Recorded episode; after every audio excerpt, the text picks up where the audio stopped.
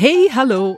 Welkom in de eerste podcast van de capsule Valérie Thijs Presents, The Presenter Pad. Eindelijk, hij is er dan, mijn nieuwe podcast. Eindelijk heb ik dus een oplossing gevonden voor die vele onderwerpen waar ik het over wil hebben. De afgelopen twee jaar heb ik bijzonder veel podcasts mogen maken. Ik doe dat heel graag voor verschillende bedrijven en ondernemingen. Maar het knaagde toch wel om mijn eigen podcast opnieuw leven in te blazen. Ja, waarom moeilijk doen als het ja, simpel ook kan? Dus zo gebeurt, zo gedaan. Na lang nadenken lanceer ik een podcast die in capsules komt, niet in seizoenen. En vandaag is de eerste podcastaflevering van de eerste capsule, de Presenter Pad. Valerie Thijs presents The Presenter Pad. In deze tiendelige reeks geef ik toch wel een beetje insight informatie in de kunst van het presenteren. Deze podcasts die duren elk maximum negen minuten. Dat wil ik zo kort mogelijk houden om jou heel concrete handvaten te geven om ja, het podium te pakken en je boodschap met impact te delen. Ik ga alvast ook mijn klok zetten op negen minuten. Uh, als die afgaat, dan weet ik dat ik moet afronden. Dit is de eerste podcast voor 2023. Ik hoop dat er nog heel veel capsules gaan komen, want we zijn toch al wat gevorderd uh, in het uh, jaar. Ik wil uh, jou heel graag horen ook over deze podcast. Wat vind je ervan? Wat is jouw feedback? Aarzel dan zeker niet. Uh, ik ga in de show notes uh, de verschillende linkjes uh, doorgeven waar jij die informatie kwijt kunt. Dus alvast welkom bij Valerie Thijs Presents The Presenter Pad. Ladies and gentlemen, welcome on board. The Presenter Pad. Deze podcast is dus gevuld met tips om aan elke presentatie goed te beginnen. Mijn gouden 5 P's die een presentatie maken of kraken, dat is planning, preparation, practice, performance en passion. Ik vergelijk het altijd een beetje met mijn tijd op het vliegtuig. Ja, terwijl heel veel mensen denken dat stewards en stewardessen aan boord van een vliegtuig zijn om koffie uit te schenken, kan ik alvast uh, toch delen dat dat slechts een klein onderdeel is van hun jobbeschrijving. Hè. Ze zijn er vooral om passagiers te helpen tijdens de vlucht. Hè. Bijvoorbeeld passagiers met uh, reduced mobility, die uh, ja, minder goed te been zijn. Of uh, bijvoorbeeld unaccompanied minors, um, kinderen die alleen reizen. Natuurlijk ook voor dat glas water of die koffie te schenken. En ook om mensen gerust te stellen die misschien vliegangst hebben. De belangrijkste taak van een stewardess of een steward is om in een noodsituatie de deur te openen en zorgen dat iedereen geëvacueerd wordt in een zo kort mogelijke tijd. Take a minute to locate the exit closest to you. Goed, dit gezegd zijnde. Je moet dus heel wat dingen doen om ervoor te zorgen dat dat daar op dat vliegtuig altijd smooth verloopt. Wil dat dan zeggen dat stewards en stewardessen altijd met doemscenario's in hun hoofd zitten? Nee, natuurlijk niet. Maar we werden wel gedrild om veiligheidsvoorschriften na te leven met maar één boodschap. Wees altijd alert, zo zorgvuldig mogelijk te werk gaan en bereid je goed voor. En als je dat doet, dan kom je er. En dan gaat alles smooth, behalve de dingen die je nooit had kunnen voorzien. Want zo gaat het meestal. Hè. Je denkt aan het ergste en dan gebeurt er iets compleet anders. Alles ging met een checklist, van begin tot einde. En met briefings. Briefings in de crewroom, briefings in het vliegtuig met de chef de cabine en de cockpit. Voor je aan de vlucht begint, voor je aan je taken begint eigenlijk, voor de passagiers aan boord komen. En in de cockpit hebben ze heel duidelijk checklists waar ze uh, stap voor stap overgaan uh, voor ze een vliegtuig kunnen starten, et cetera. Wij deden dat ook natuurlijk op een heel ander niveau dan de cockpit. Bij ons was dat de keuken klaarmaken, de galley klaarmaken de mise en place uh, klaarmaken voor de drank, de maaltijden tellen, maar ook heel belangrijk het veiligheidsmateriaal nakijken voor elke vlucht opnieuw, uh, want je weet maar nooit. Het voordeel is dat je niet meer hoeft na te denken en dat je ook uh, geen angst hebt eigenlijk om iets te vergeten. Trouwens, mijn persoonlijke checklist kan je downloaden via mijn website of Instagram of Facebook. Ik zet de link ook alvast in de show notes.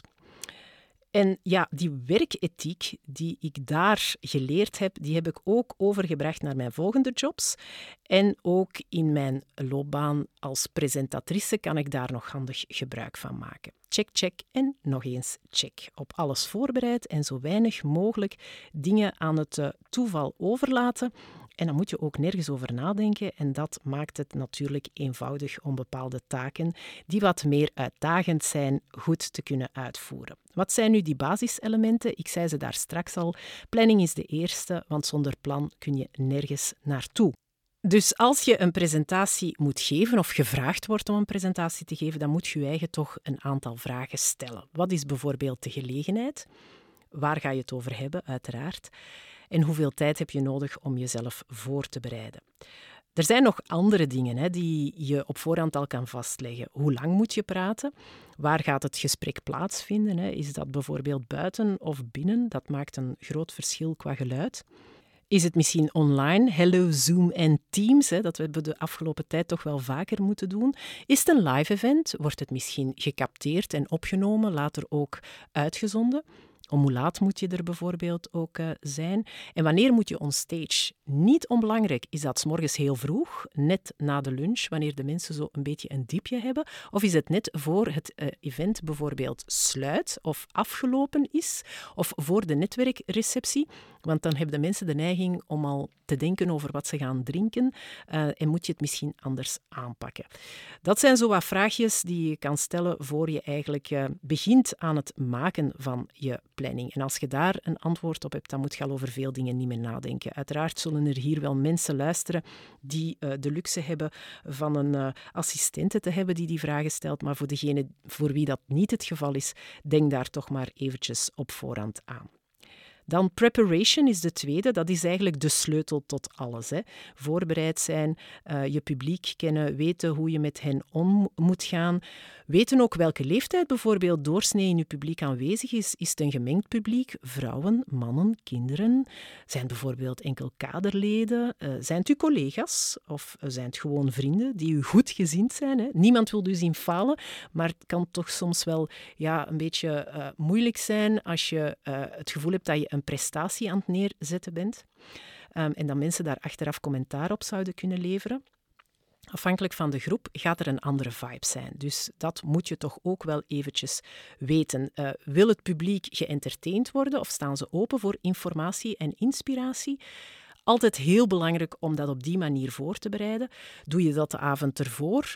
Misschien toch wel niet, of je moet al een hele straffe spreker zijn eh, die de keynote al verschillende keren gegeven heeft.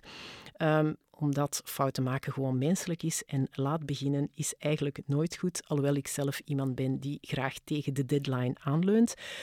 Schrijf dat ook allemaal niet uit. Uh, werk met bullet points, uh, werk met sterke beelden. Uh, leer het allemaal niet uit je hoofd. Het moet heel natuurlijk en authentiek overkomen. Dus dat is wel heel belangrijk. Mensen doorprikken die bubbel heel snel. En dan, wat ga je aandoen? Ook niet onbelangrijk. Ik heb lang op Louboutins gepresenteerd, maar ik doe dat niet meer, want dat was niet altijd even comfortabel. Zorg dus ook dat je kleding aangepast is. Bijvoorbeeld geen ruitjes, lijntjes of bolletjes als je op een tv-scherm moet verschijnen. Um, en zorg dat je microfoon ook ergens weggestoken kan worden als je een kleedje draagt. Uh, zorg dat je een riem hebt of zakken hebt, dat ze het kunnen wegsteken. Want anders uh, is het soms moeilijk om een headset te dragen. Een handheld micro is dan veel makkelijker, maar een headset, daar hangt altijd een bakje aan. En dan moet je uh, toch wel zorgen dat dat weggestoken kan worden. Zorg um, dat je het ook misschien eens een keertje oefent. Hè? Dat is het uh, derde item, practice, oefenen. Um, het is meer dan een paar keer voorlezen. Hè? Je moet het oefenen, liefst kan je het oefenen voor, voor jezelf, voor de spiegel, maar je kan dat ook doen met andere mensen. Mensen die jou goed gezind zijn en die jou feedback geven waar jij niet meteen een persoonlijke aanval in ziet. Want als dat achteraf gebeurt, na een talk, dan kan ik jou verzekeren dat het soms hard kan aankomen als een deelnemer um, feedback geeft. Want dan ga je misschien tegen jezelf zeggen: had ik dit of dit maar gedaan of meer geoefend of het eens een keertje laten horen aan een collega of mijn partner of mijn kinderen, voilà. Dan kan je toch jezelf al wat voorbereiden en misschien ja, de dingen die evident zijn en waar jij misschien op dat moment niet aan denkt, uithalen en zo nog een betere uh, ja, keynote of performance afleveren.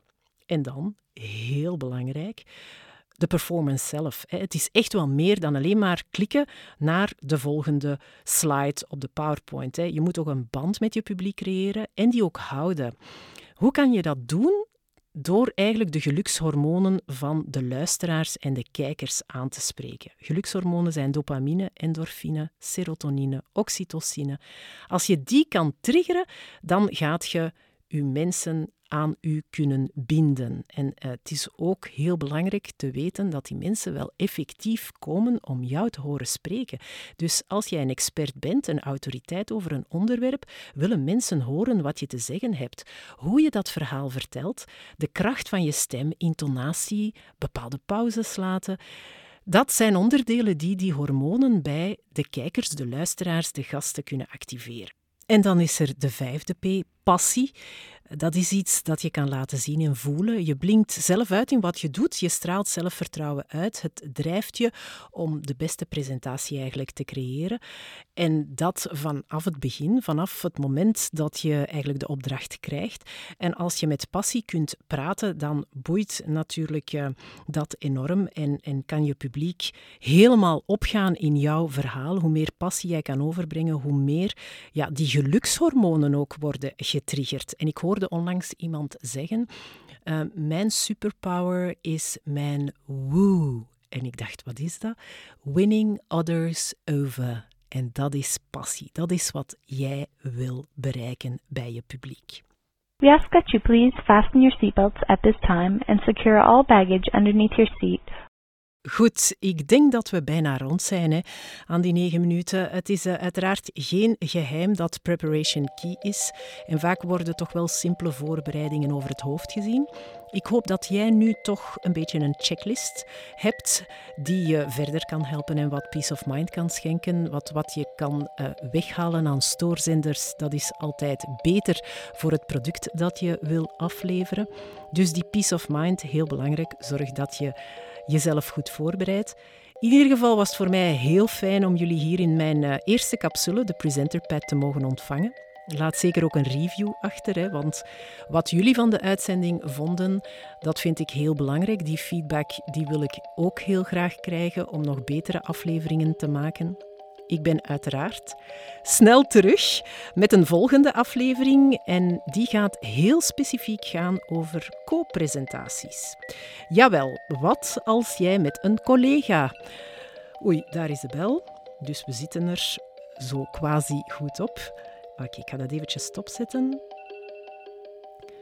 Dus, ik herneem. Ik ben snel terug met een volgende aflevering. Die gaat heel specifiek over co-presentaties. Wat als je met een collega of met meer op een podium moet staan om een presentatie te geven? Hoe ga je daarmee om? Hoe bereid je je voor?